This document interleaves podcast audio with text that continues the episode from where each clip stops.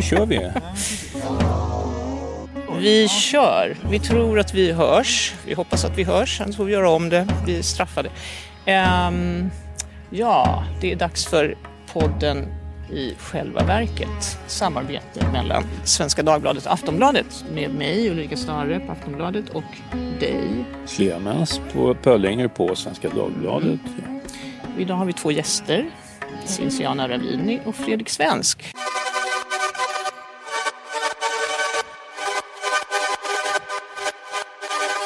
Jag tänkte ni kan bara presentera er själva jättekort.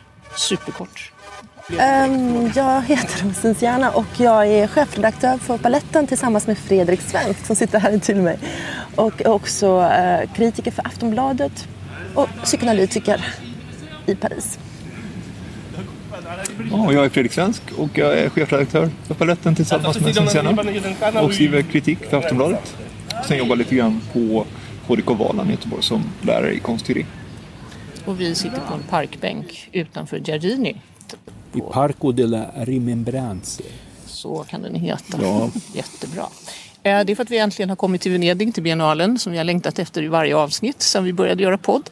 Eh, Och då kan man ju då kan man börja med att dissa hela, hela saken, tänker jag. Nej, men eh, vad är poängen med den här typen av jättestora utställningar? Frågar jag mig. Eh, förstås, det kom ju sådana artiklar även innan biennalen. Så här, nej, det är eh, klimatosmart, det är för kommersiellt, det är för liksom mm, ogenomträngligt. Det finns ingen idé egentligen att göra det här. Eller vad säger ni?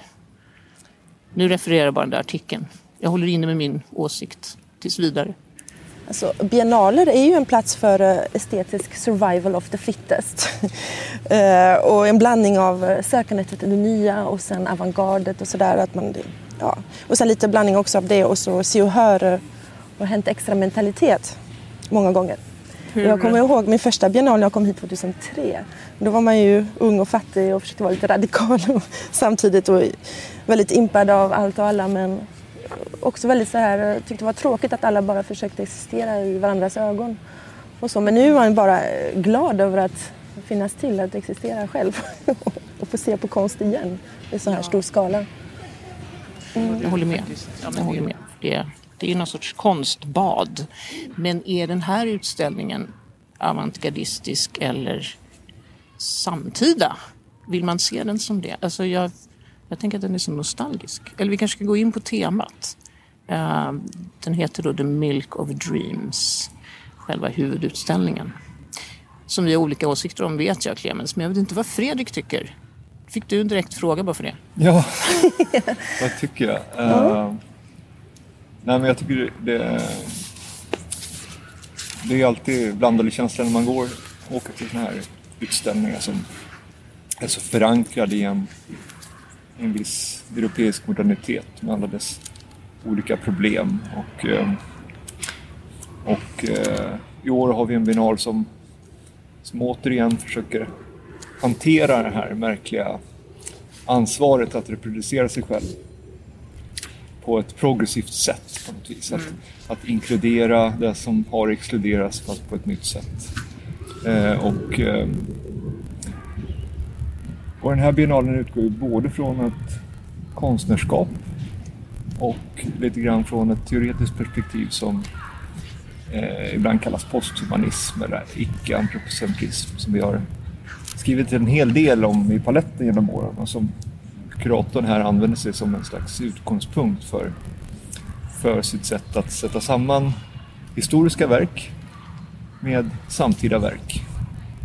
Och eh, den filosof som hon eh, lutar sig mycket mot är en så som heter Rosi Braidotti som tillhör den här eh, deleuzianska feminismen kanske man kan säga. Som, som har försökt upprätta en, en ny relation mellan natur och kultur och mellan människa och teknik och mellan vår kropp, vårt språk. Och så. Men det, är det så nytt, tänker jag? Vad är det som... Det som är nytt här på den här biennalen är ju att den till skillnad från andra biennaler eh, har så väldigt mycket kvinnor. Alltså det är 70, 80, 90 procent kvinnliga konstnärer. De män som är med, en stor del av dem har jag förstått är icke-binära. Mm. Eh, Så det är ju en, en, eh, en nyhet i biennalsammanhang. Och det är, ju, ja, det är ju hela tiden ett försök att bryta den här europeiska dominansen, den vita europeiska dominansen. så mycket Men det Afrika. gör man ju om och om igen, ju, fast kanske ännu mer konsekvent i den här utställningen, tänker jag. Det är mycket, Mycket Afrika, mycket Latinamerika, eh, en hel del ursprungsbefolkning. ja det kan vi säga nu på en gång, eller ja, att den nordiska paviljongen är den samiska paviljongen. Precis, Sápmi. Ja. ja, det rimmar ju väl med temat också på något sätt. Eller hur? I, i liksom Det passar som hand i handske Ja. och sen finns ju då Britta Markatlabba med i huvudutställningen. Ja. Det är en stor samisk representation. Det blir tycker jag extra tydligt. Jag lyssnade lite grann där på presskonferensen i Sverre Fens paviljong. Arkitekten Sverre Fen som har ritat den här paviljongen i en slags, ska vi säga, en, en, en väldigt modernistisk stil. Eh, som med alla dess dilemman vad det gäller konstruktion av, av människan konstruktion av en, av en normativ nordisk människa kanske vi kan säga. Och att se eh, eh, den här samiska representationen eh, presenteras här eh, i, i år i den paviljongen på något vis tydliggjorde, i alla fall för mig, den här, den här smärtsamma eh, relationen till konsten som, som, som eh, som biennalen liksom förkroppsligar. Alltså att de problemen som, som, som, som den här moderniteten har, har uh, fört med sig vad det gäller exkludering och när vi inkluderar, så att säga, när, när det här viet, den här Sverrefen, arkitekturen inkluderar eh, en samisk tradition och eh, samtida eh, konstnärer som arbetar med samiska traditionen på olika sätt så, så, så sker inte det här eh, utan, eh, utan motsägelser utan man jobbar med de här motsägelserna. Det tyckte man Och en är viss väldigt form, tydligt. ja. en viss form av exotism också, ex exotisering. Men exotismen ligger i våra egna ögon, alltså i det västerländska subjektets eh, supremati. Ja. Man bestämmer sig för att det är exotiserande men utifrån sin egen position. Det blir ju liksom, det, det blir någon cirkelrörelse där för att Ja, egentligen exakt. är det ju inte det. Nej, nej, nej. Det är ju massor av subjekt på den här biennalen som, liksom, som, som vi har exotiserat möjligtvis men som inte är det i sig. Eller? För exotismen är också, betyder egentligen, exot betyder att träda ut ur sig själv. Va? Så den första rörelsen som skrev Victor Segalen i sin essä om exotismen att exoten det är han eller hon som träder ut ur sig själv och försöker nå den andra. Så det är en fin tanke egentligen i grunden. Men annars skulle det vara kul att veta vad ni tycker om det här surrealistiska temat. för att vi pratade om det igår Ulrika. Jag tycker den är väldigt skön för att jag menar, den, den har ju presenterats som en reaktion på den nihilistiska dadaismen och den här första världskrigets eh, ja, Uh, känsla av att världen höll på att gå under och att surrealismen fick ju med sig både en ironisk och lite mer extravagant och absurd men framförallt en erotisk och psykoanalytisk konst. Och det, tycker jag är väldigt fint också om man tänker på psykoanalysen eftersom den påminner om det som Freud sa att jaget är ju inte herre i sitt eget hus. Va? Och, och, och också det här eh, omfamnandet av galenskap och irrationalitet. Det känner jag ganska befriande idag även om det har för oss i Norden varit ganska liksom jag har ju haft en surrealistisk tråd liksom flera, flera, flera år liksom egentligen. Vad känner ni för den?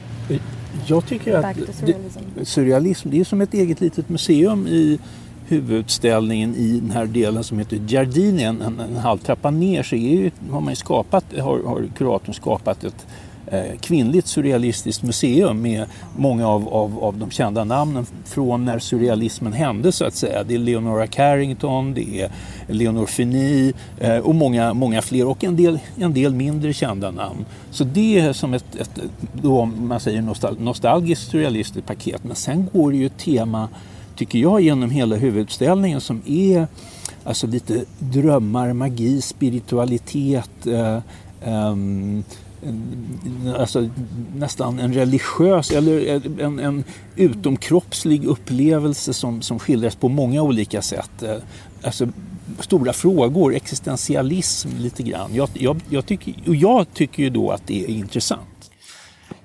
Ja, jag tycker att det är intressant i teorin. Men inte, det, låter, det blir intressantare när ni samtalar om det än, än att uppleva.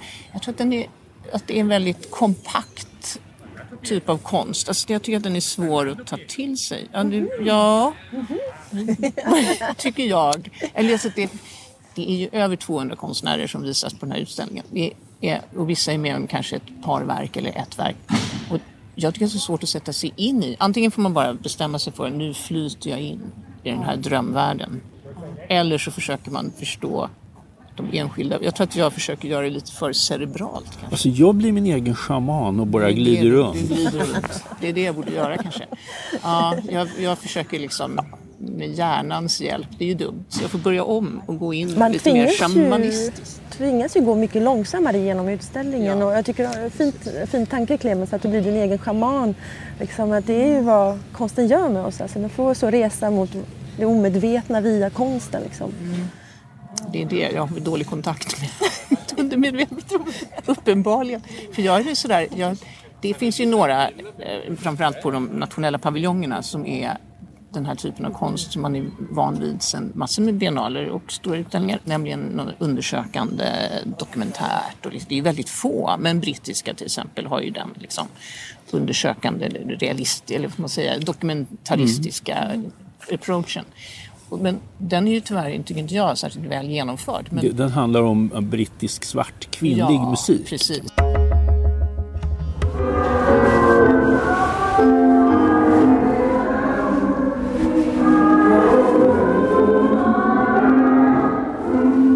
Sonja Boys. Ja. Mm. ja. Det, jag tycker inte att den utställningen riktigt fungerar men det slår mig att den är en av få som har liksom den, som inte är någon drömsk, surrealistisk. Så jag, jag upplever en viss saknad av den typen av konst. Mm. Så ledsen att jag inte så kommit jag är in lite på ledsen att Det är så lång kö. Ja, men det är för att det är så trångt där inne. Vilken var det? Den, den brittiska Ja, den brittiska, den kommer inte... Den är alltid kö till och den är ganska, den är inte så jättestor så att det är väl, ja.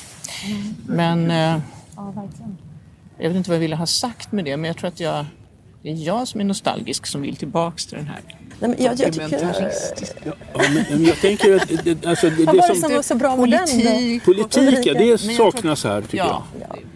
I alla fall uttalat. Ja, men det, fin, det finns, det finns ja, massor. Det finns men det finns politik just skulle jag säga. Men det är det jag tycker är väldigt fint med det här postanimaliska, post post... Ja, det är så mycket post va? Ja, Frågan liksom också att det här att ta bort hierarkierna mellan olika liksom, regimsmaker och sådär.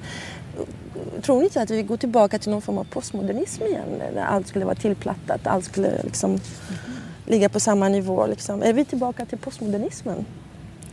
Med det här posthumana. Liksom. Det har ju blivit ett modeord här nu. Så man, liksom, man dräller omkring sig med det här begreppet posthumanism. Men, uh, vad säger det om en tid när faktiskt folk försvinner, dör bokstavligen? Liksom, världen håller ju faktiskt på att gå under. Och att då säga att ja, ska, låt oss vara posthumanister, liksom, inte det lite cyniskt mm. någonstans? Med tanke på jag håller nog med kriget i Ukraina. Att det finns någonting... Att det finns en cynism i Det finns en, mm. kanske mm. inte en cynism men om vi haft tidigare stora utställningar som har, har kopplat vissa typer av surrealistiska och andra, liksom, kos, mm. andra kosmologiska eh, föreställningar än, de abramistiska. Eh, när man har inkluderat det i stora utställningar tidigare så har de ofta stått i relation till en viss grupp människor. Eller en viss... Mm. Och här har vi ganska du många... Du tänker på Kristin Marcells biennale? Precis, till mm. exempel.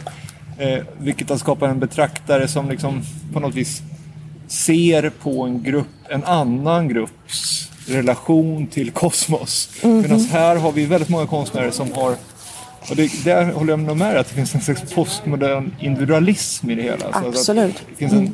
många konstnärskap som gör liksom egna eh, psykoanalytiska eller surrealistiska eller egna kosmologiska liksom, gränsdragningar i individuella konstnärskap som Absolut. inte är direkt kopplade till, till en eh, kollektivitet. Kanske på samma sätt som vi har sett eh, på ganska många stora utställningar de senaste åren. En exempel på det är ju Belkis Ayon. eh, Den här afrokubanska liksom, ritualerna som Belkis Ayon liksom, skildrar. Man inte vet om det handlar, handlar, handlar om en avrättning som på- pågår mellan individerna liksom, eller handlar om, eh, om en, att man sörjer, att man är på en begravning. Och de här liken i början som är, står så fint på, liksom, i relation till Simone Leiggs eh, stora svarta kvinna. Där, Jättefin. Men jag- jag- ha- handlar det inte om, om något så, alltså, eh, sätt att bearbeta det hinsides? Alltså, finns det ett liv efter döden? Sådana stora frågor. Andlighet, en längtan efter andlighet. Alltså, det är sådana ämnen som har varit lite tabu kanske i eh, ska man säga, den här rationella västerländska modellen eh, som, som kommer fram. Eh, Folktro, religion, synkretism. Jätteintressant tycker jag. Ja, men det var någon person igår som sa att allt detta är tack vare Hilma af Klint. Alltså att hon återupptäcktes då för några år sedan att konstvärlden nu liksom påverkades väldigt starkt av det. Men sen glömmer man ju att många av de här är ju faktiskt döda sedan länge. Ja, ja, det, det som med Hilma af Klint tycker jag som är så intressant det är ju då att eh, kuratorn här är gift med, med Massimiliano Gioni som gjorde biennalen 2013 som just lyfte fram Hilma af Klint väldigt stort jämsides med Rudolf Steiner. Och här kan man se så att säga på något sätt så har det eh, bearbetats och smält och ut kommer någonting eh, mer eh, från andra kulturer, va? inte från vår västerländska kultur utan, utan en, en eh, global eh, längtan efter andlighet. Så såg jag det. Jag, jag vet, det är min tolkning. Ja, Jag, jag jag, kan- håller helt med. Det var då det började, liksom, den här nya vågen liksom, av eh, både self-made artists och eh, ja, men också liksom, en hel del konstnärer som man kan koppla ihop till lidande och sådär. Jag tänker på den här fantastiska konstnären Ova, Ovartachi som jag inte känner till. Uh, såg ni den? Uh, håller på med så här, massa kattliknande människor ja, ja, som satt såg jag. Det var jätte... höll på, såg ut som några eskapistiska dr- drömvärldar. Ja, exakt, det var katter som gjorde allt möjligt. Alltså. Då- Den var lite hotfull och, men, men, men fin. Och, precis. och det tyckte jag var så roligt med, med utställningen, är att det är massa konstnärer som jag inte kände till. Det, Ja, det, verkligen. Det är många som aldrig har ställt ut på så här stora sammanhang tidigare. Alltså ovanligt många tydligen. Det är väldigt många man inte känner till. Den, den tvingar en till en ödmjuk position, betraktarposition, eller vad skulle du säga Fredrik? Liksom att, apropå din passion för det västerländska subjektets fall, uppgång och fall. att jag känner mig väldigt mycket ödmjukare än vad jag brukar göra. Man känner, ah, men det här har man ju sett förut, den här känner jag igen. Det finns Ja, det sant. form av upplysning på det jag, sättet. jag tycker att det finns en väldig omsorg i hela utställningen. Det eh, den, den, den känns väldigt intim tycker jag många gånger. Eh, Hon hade- Sen tycker jag också ja. att det är intressant rent eh, utställnings eh, kuratoriskt, vad ska jag säga. Alltså att, eh, den här eh, Leonora eh, Carrington som, som är en konstnär och författare som, som eh, själva konceptet är liksom uppbyggt kring. Eh, att, eh, att många kuratorer id- idag, istället för att vända sig till bara liksom samtida politi- politiska filosofer eller så här, att man tar då en, en, en, kvinnlig konstnär som utgångspunkt för en hel biennal. Ja. Eh, vi s- har sett till exempel i Norge har man Hanna Ryggen biennalen uppe i Trondheim som också är ett sånt där exempel att man bygger upp en stor utställning, inte kring en, ett allmänt liksom abstrakt universell utsaga utan kring ett enskilt konstnärskap och försöker tänka en sammansättning av verk från, eh, från, från, från en persons eh, tidigare praktik. Då. Mm, mm, mm. Ja, verkligen. Spännande utveckling. Eh, Men jag håller verkligen med om det för eftersom det är ganska radikalt att sätta igång med just en konstnär istället för ett eh, teoretiskt koncept som man tillämpar sen på, på världen, på konstvärlden. Eh, det- Så har ju konstvärlden sett ut i 20-30 år att man har liksom en teoretisk, liksom, muskulös liksom, ja, men take på världen. Så här ser världen ut och det är ju ganska liksom, eh, man ska- Men sen tyckte jag det var spännande också, apropå det här museet som ni talade om, eh, att det såg ut som, ett, som, som en labyrint av liksom massa feministiska kvinnor. Alla var ju inte feminister på rätt sätt om man ska tänka på, vad heter hon, den här eh, futuristiska kvinnan, Louise, eh, Ja, vill, um, ja, nu har jag glömt vad hon hette bara för det. Men det var en futuristisk, Valentine de Saint-Point, just det. Hon hade gjort en manifest för den futuristiska kvinnan och hon skulle vara fallisk, viril, våldsam och hjärtlös. och varför det? Jo, för att då kunde man nå något som är ganska värdefullt, nämligen intellektuell uh, independency. Uh, och det tyckte jag, och sen blev hon sofist i slutet på, på livet då. Det är ganska fint alltså med det här apropå eh, den, The Witch, eh, alltså häxkonsten har varit inne nu. Att en kvinna inte bara ska vara god och vacker och elegant utan kan vara lite elak också. Ja, Leonor Fini tycker jag är också ett bra exempel på att alltså, hon är vacker och det handlar väldigt mycket om kvinnlighet och så vidare, men hon var också farlig och, och, och, och, och, och Med grym. maskspel Ja, och hon använde män, objektifierade allt och alla. Precis. Man brukar oftast betrakta kvinnan Lucia som ett objekt och hon tänker att hon blev oftast tänker Hans Belmer som lindade in eh, Unika Thörn och höll på med henne och fetischiserade henne. Nu har jag lyft fram här en massa kvinnor som var väldigt starka. Du Ulrika som höll på med Amazonerna. Ja, inte det precis. kul? Det var inte, inte så mycket amazoner tyvärr. Inte, alltså inte bokstavligt. men, men visst, absolut. Det var väldigt befriande med den här spretigheten ändå i, i någon sorts förmödrar, eller vad man ska kalla det för. Absolut. Den polska pa- paviljongen tycker jag har en, en undertitel. Det är Margar, eh, Margarosata. Mirgatas som ställer ut där. Som, som eh, eh, en utställning som heter Reenchanting the World. Alltså att vi har haft Återförtrolla. återförtrolla världen. Vi har haft en slags Sigmund Bauman var den avförtrollade världen. Precis, och här är det en slags begär att återförtrolla eller att, att bygga upp. Och det här är en, det. Är det en kritik av postmodernismen då? Om Sigmund Bauman skildrade en platt, avförtrollad värld. På väg ut ur den kanske nu. Den eh, paviljongen i verket tyckte jag otroligt mycket om. Jag tyckte det var fantastiskt. fantastiskt. Det är en Du romsk konstnär som har byggt upp någon form av... Som du har kommit över. Precis, fantastisk En katalog. fris i tre olika delar va?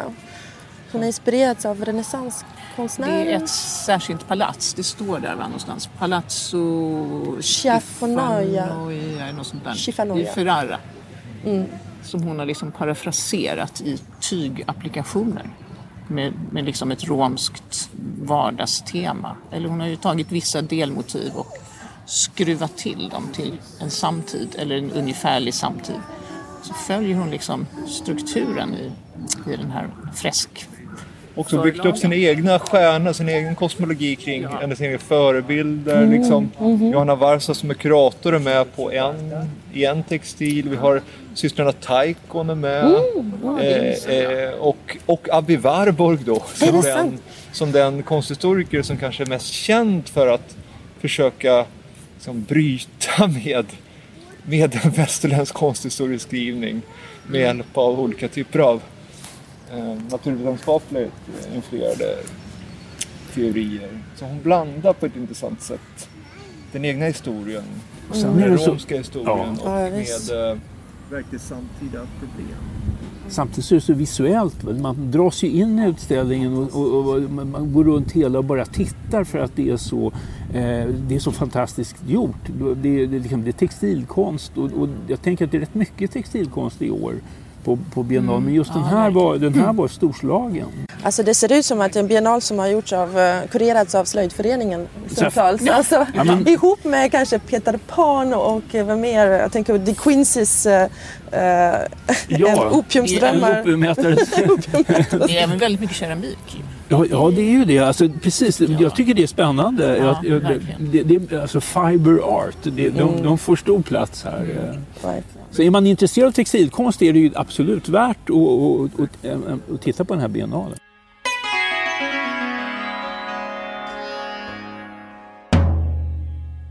En, en, en annan intressant sak med den här polska paviljongen är att den säger också någonting om tidsandan tycker jag när det gäller eh, själva eh, exteriören. Det, det, utanför paviljongen så är ett stort tarotkort och tarotkorten eh, uppfanns tydligen liksom i Italien på något sätt på 1400-talet. Jag visste inte om det. Men Italien är bra på vidskepelse. Ja, men då, den här vidskepelsegrejen då, alltså tidigare tänkt på det som en slags eh, eh, ja, just vidskepelse, någonting som är hittepå. Men att det nu är en stort intresse för tarot som en slags för psykoanalytisk praktik. Ett mm. sätt att mm. Alltså inte tänka på det som att man verkligen tror på tarotkorten. Utan att det är en metod för att sätta ord på svåra saker mm. i sitt liv som föregår så att säga freudianismen. Mm. Och så, så, att, så att mycket av det som tidigare har kallats då eh, animism eller har kallats eh, icke-abramism eller någonting sånt. Va? Får genom tarotkorten idag en slags renässans som ett, som ett sätt att hantera väldigt svåra problem. Som, mm. Genom språket och genom talet och genom tolkningen. Va? Och genom bilderna då? Och genom bilderna också. Mm. Och det tycker jag är en sån vändning i, mm. som vi ser. Alltså att den här enchantment, reenchantment, förtrollning och förtrollning. Det kanske var förtrollat redan när man uppfann tarotkorten. Det kanske inte var en förtrollning. Ja, gud ja. De, tog utan, sig, de hade precis utan, överlevt ja, precis. pandemin, pesten och så vidare. Och människan behövde någonting annat att tro på än just en gud. Det finns en politism också i tarotkorten. Och jag, tycker, det, jag, menar, jag tycker inte alls det, det spirituella behöver vara något som går emot det psykoanalytiska. Tvärtom, de, de båda liksom förenas. För att, till och med Freud sa liksom att det finns säkert, eller han undrade om det fanns någonting bortom det omedvetna.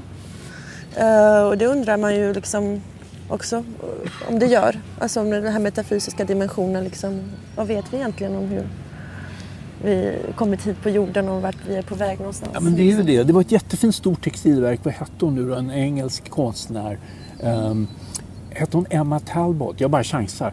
Uh, jag, jag la ut den på Insta. Det är Where do we come from? Och så ja! liksom, uh, ja, den, fantastiskt ja, bemålade dukar som gick i en cirkel med, med väldigt, alltså ganska dystopiska påståenden men, men som i tog sin, sin, avspark i just det här. Var mm. kommer vi ifrån? Vart går vi? Vilka är vi? Vad, det är Gauguin va, som ställer den frågan redan? Ja, det är Gauguin. Den är ju klassisk klassiker. De stod, mm. Men hon gör någonting, eh, så här, jag tyckte hon var så myllrande, mm. fantastiskt målad äh, textil. Då. Ja, men det, det är, den är väldigt transhistorisk på det sättet att det är en utställning som både blickar bakåt och framåt och, och det är faktiskt väldigt skönt. Jag menar, även om man kan tycka, aha, men vad, behöver vi liksom, ska historierevisionismen äga rum på en biennal? Ja, vi måste för, för, att undkomma tiden, samtiden då, liksom, titta på andra tider. Då.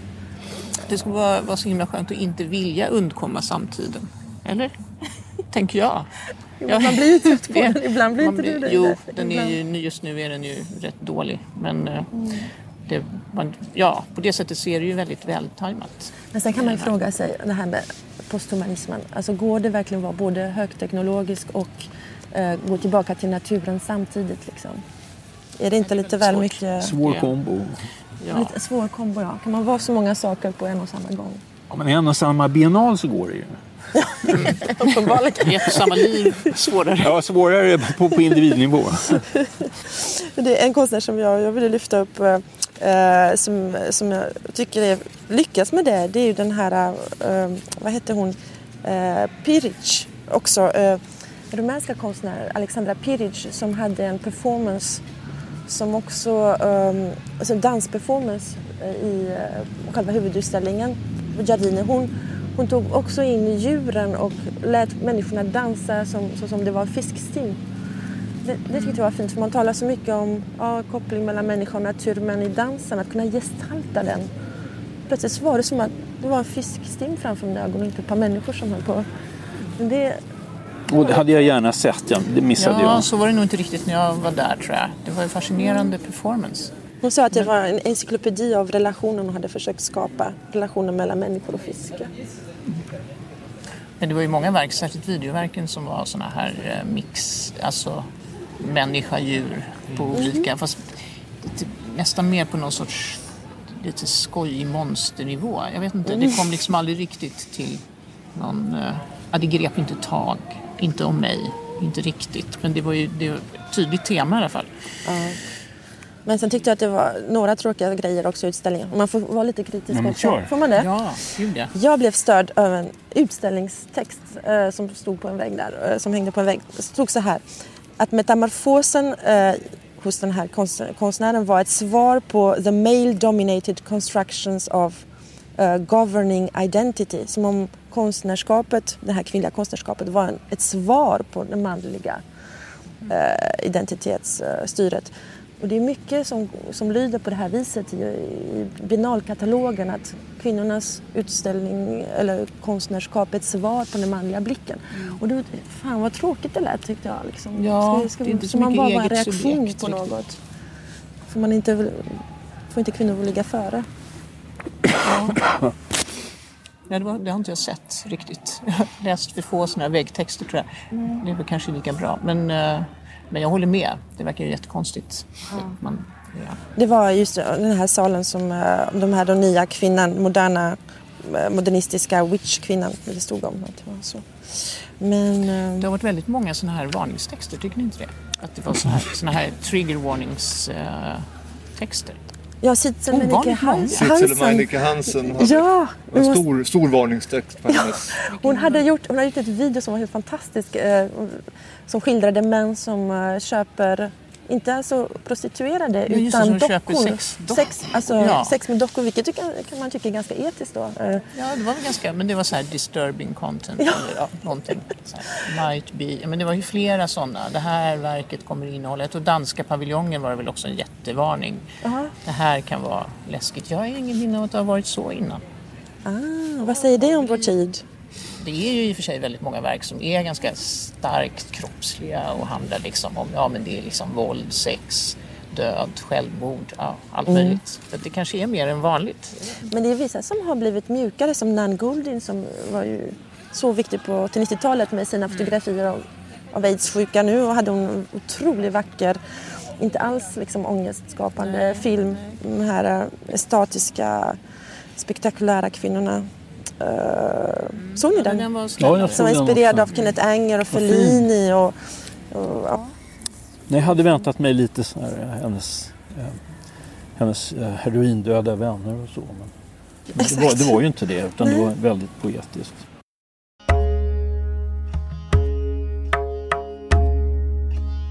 Vad tyckte ni om Katarina Fritsch eh, hotell? Eller vad säger jag? Hotell? vad säger jag? Inte hotell. Jag menar elefant. elefant. Vill jag säga. Hade fått en, hade ju fått en fin, fin placering. Ja, det får man säga. Det var ju, det var ju pampig entré. Men, ja, Men jag ja. vet inte om jag liksom riktigt... Elefant, Det var inte som att jag funderade så mycket på Jag den. tänkte på den som fotografiska Eham tar som affisch. Den här eh, fotografen som fotar jättestora elefanter. Eh, vad han nu heter. Alltså det är lite... Det, det är lite, vad ska man säga, det är lite enkelt. med en stor One-liner elefant. på något sätt. Ja. Ja. Men det är ju alltid fint med stor elefant. Men jag tyckte den fångar väldigt bra vår tid. Liksom, en stor elefant i rummet. Vad är den? Jo, vår koloniala blick på konsten. Och så är det spegel på väggarna eh, som fångar vår blick på elefanten. Jag fick Det mig är att tänka på. Derrida som, som, som sa en gång att eh, Louis, XIV, Ludvig den XIV, han var ju världens största man på sin tid. Och då hade han gått och köpt en elefant. Eh, Så kunde han gå och titta på den och så kom han på att fan, den är mycket större än mig. Och då blev han ju decentrerad från sin egen världsbild. Jag tänkte att det är ganska fint att börja en biennal med en elefant i rummet. Fanns den, fanns den tankegången med i, i presentationen av elefanten? Nej, det är bara min egen Ja, tankegång. för den hade ju, den hade ju lyft verket lite grann. Mm, verkligen. Ja, men det är någon slags ny kopernikansk vändning som är på gång. Det är det Ja. som det här posthumanistiska också liksom försöker peka mot. Mhm. Fast vi samtidigt sker genom den här centrala platsen, Venedigbiennalen med Mhm. hela dess, dess tradition. Alltså att det är fortfarande härifrån som en ny blick ska, ska på något vis eh, formera sig. Det är från konstens centrum. Och det, det är där man kan fråga sig vad betyder den här, den här försöket att, att, eh, att skriva om, i det här fallet konsthistorien också. För det är ju en väldigt ja. konsthistorisk utställning också. På något sätt, va? Men det är inte levande djur, det förblir en, liksom, en uh, skulptur på en elefant. Inte för att jag skulle vilja ha zoo, liksom, djur i bur på biennaler men det är ändå lite, lite liv. Om man tänker på sådana som Pierre Wigg som ändå bjöd in livet i utställningsrummet så tycker jag att den här biennalen ändå var ganska bildbaserad och väldigt lite liv i ja, det var det biologisk mening. Ja. Mm. Det var väl något med lite fjärilar och jord. Ja, ja, i, i arsenalen. Men det var, det var ju inte så Allra mycket. längst bort där var det någon liten... Ja, men jag tänker på, på den här biennalen som en bildgenerator, en visuell generator, någon sorts motor som, som ändå ähm, äh, säga, genererar nya bilder. Äh, för mig gör den det. Jag, jag, jag tar med mig äh, liksom sån visuell energi härifrån.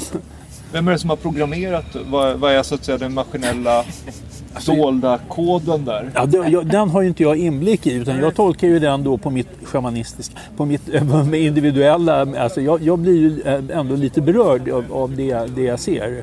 Eh, sen så gör den stora mängden av, av visuell information att man blir lätt snurrig. Det, det brukar jag bli när jag går på, på biennalen. Det, det tar ett tag innan det sätter sig. Jag tycker det, du säger något i alla fall för mig, jätteintressant med den här utställningen. Alltså att vi har haft väldigt mycket konst de senaste 40-50 åren som har förhållit sig till exkludering eh, som någonting som man kan visa upp i presentationer av konstverket. Alltså att, vi kallar det ibland institutionskritik eller att man visar på apparaten bakom ett konstverks mm. tillkom, mm, mm.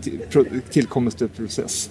Eh, men genom att ta vändningen nu mot det surrealistiska och det omedvetna så tappar vi lite grann liksom de här liksom algoritmiska eh, makterna som också styr bildproduktionen idag. Det finns väldigt lite verk som, som mm. undersöker eh, de teknologiska, eh, mekanistiska villkoren för våra liv. Mm. Eh, alltså den typen av maskinellt omedvetet. Alltså bokstavligen maskinellt omedvetet. Ja, för, många, för, för lite robotar menar du? Och... Ja, trots att det ska handla mycket om cyborgs så, så, så, så, så finns det väldigt lite teknikkritik. Liksom. Ja, det äh, håller jag med om. Mm. Det verkligen. Just för att den är så pass drömsk. Och det är väl där som surrealismens dilemma är. Att den liksom go with the flow. Liksom, att det är väldigt svårt att skapa liksom, surrealistiska bilder som också är kritiska. Va? För mm. det, skapar imaginära världar så är det svårt att skapa bugg, buggar i dem som, som stör liksom, betraktandets liksom, eh, herravälde. Liksom. Men eh, jag tyckte ändå det var en del... Alltså jag stötte på en, faktiskt en robot här vid entrén. Jag vet inte om ni såg den i kaféet. Ja, precis. Där ja. är där den här AI Exakt, så ja, ja. Då var det alltså, hade hon gjort alltså självporträtt, den här roboten. Och jag tittade på dem de var inte så intressanta. Och då blev jag lite glad. Tänkte fan, robotar har inte börjat göra bättre konst än konstnärerna. Jag tyckte också de var rätt skönt. Det var rätt tråkigt. Jag tänker i förlängningen så måste ju eh, en, eh, komma en robotkurator eller ett robotkuratorteam utifrån mm. en algoritm som, som Fredrik kanske äh, kan, kan, kan, konstruera. Med den rätta blicken. Ja, nästa Venedigbiennalen blir kuraterad av Google kanske. Ja, ja, ja, det kommer nog. Ja, precis. De kanske är här och köper konst i detta nu. Nej, men jag, sk jag skulle säga att jag, jag, tror inte att de kommer lyckas göra en sak, nämligen att kolonisera det omedvetna. Än. Även, just för att det är det som, som erbjuder en motståndskraft idag. Om det är något som gör det så är det det omedvetna. Det låter ju som, det låter som ett statement som är helt i linje med den här utställningen. Ja, verkligen. Ja, jag blir lite glad det, det skulle kunna stå på försättsbladet. Det blir i andra trycket i katalogen. Exakt. Nej, nej, men alltså det, det, är faktiskt en utställning som, som får mig att tänka på min egen teoribildning som jag håller på att fabricera här sedan något år tillbaka som heter psykonautisk estetik. Och det är den här idén om att man kan resa via konsten mot det omedvetna. Och jag, det är först nu jag faktiskt ser en utställning som försöker göra det. Jag har sett det i konstnärskap men inte ja. i, så här på den här nivån. Nej, det, det, det är så jag känner också. Eh, det är väl, jag, jag tycker det är fint. Mm. Men som kritiker, tänker ni, tänker ni på vad som vad det här perspektivet så att säga döljer. Vad det här perspektivet eh, Utesluter? utesluter eller Vill du säga att den är för verklighetsfrämmande eller att, att, det, liksom är, att det är, är för att tala med Aldous Det är väl Huxley soma så att vi får, får alltså bedövning. Vi bedöv... Opium for the people. Ja, ja, precis. behöver vi avförtrolla utställningen? Jag tänker mig att nästa biennal demonterar det här. För det var ju många som sa innan, ja, varför, varför åka hit och stödja detta eh, spektakel eh, som bara är till för the one percent etc. etc. Och det finns alltid den, den reaktionen liksom, att det här är bara en, en slags eh, fernissa för, för ryska oligarker som inte ens är här men äger stora delar av, av de konstnärskapen som, som, som ställs ut. Eller oligarker från hela världen, inte bara från Ryssland. Eh, och, och, och det är det som vi som kritiker på något vis eh, reproducerar. Eller stöd, vi stödjer dem. bidrar till någon typ men samtidigt så är det väldigt, eh, det är en väldigt reduktiv position naturligtvis. Men, men, eh, men det är ändå ett sätt för vissa, för en viss position att säga att men det här är bara eh, det här är bara eh, konservativt, det här bevarar bara.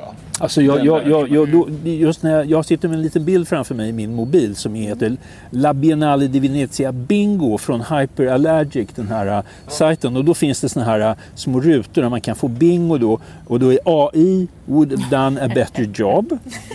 It's Aperol Spritz och klock. Men sen står det också I smell nepotism.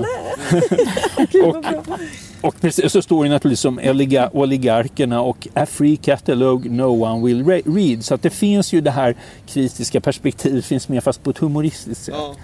Och Den här gillar jag. Looked better on Instagram. Ja, ja, det, det, det, det är faktiskt ofta sant ju. Jag kommer också på mig själv ibland när jag tar bilder. Jag tittar mer på när jag tar bilden, liksom, kommer det här se bra ut på Instagram än att Och så har vi, så har vi rutan Clearly for sale at Art Basel.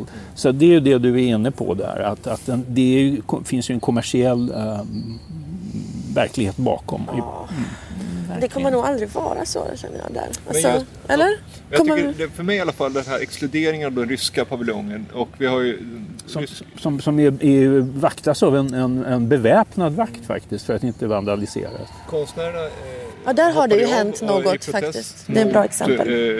Eh, mot kriget, eh, den ryska regimen och psykiatern hoppade av.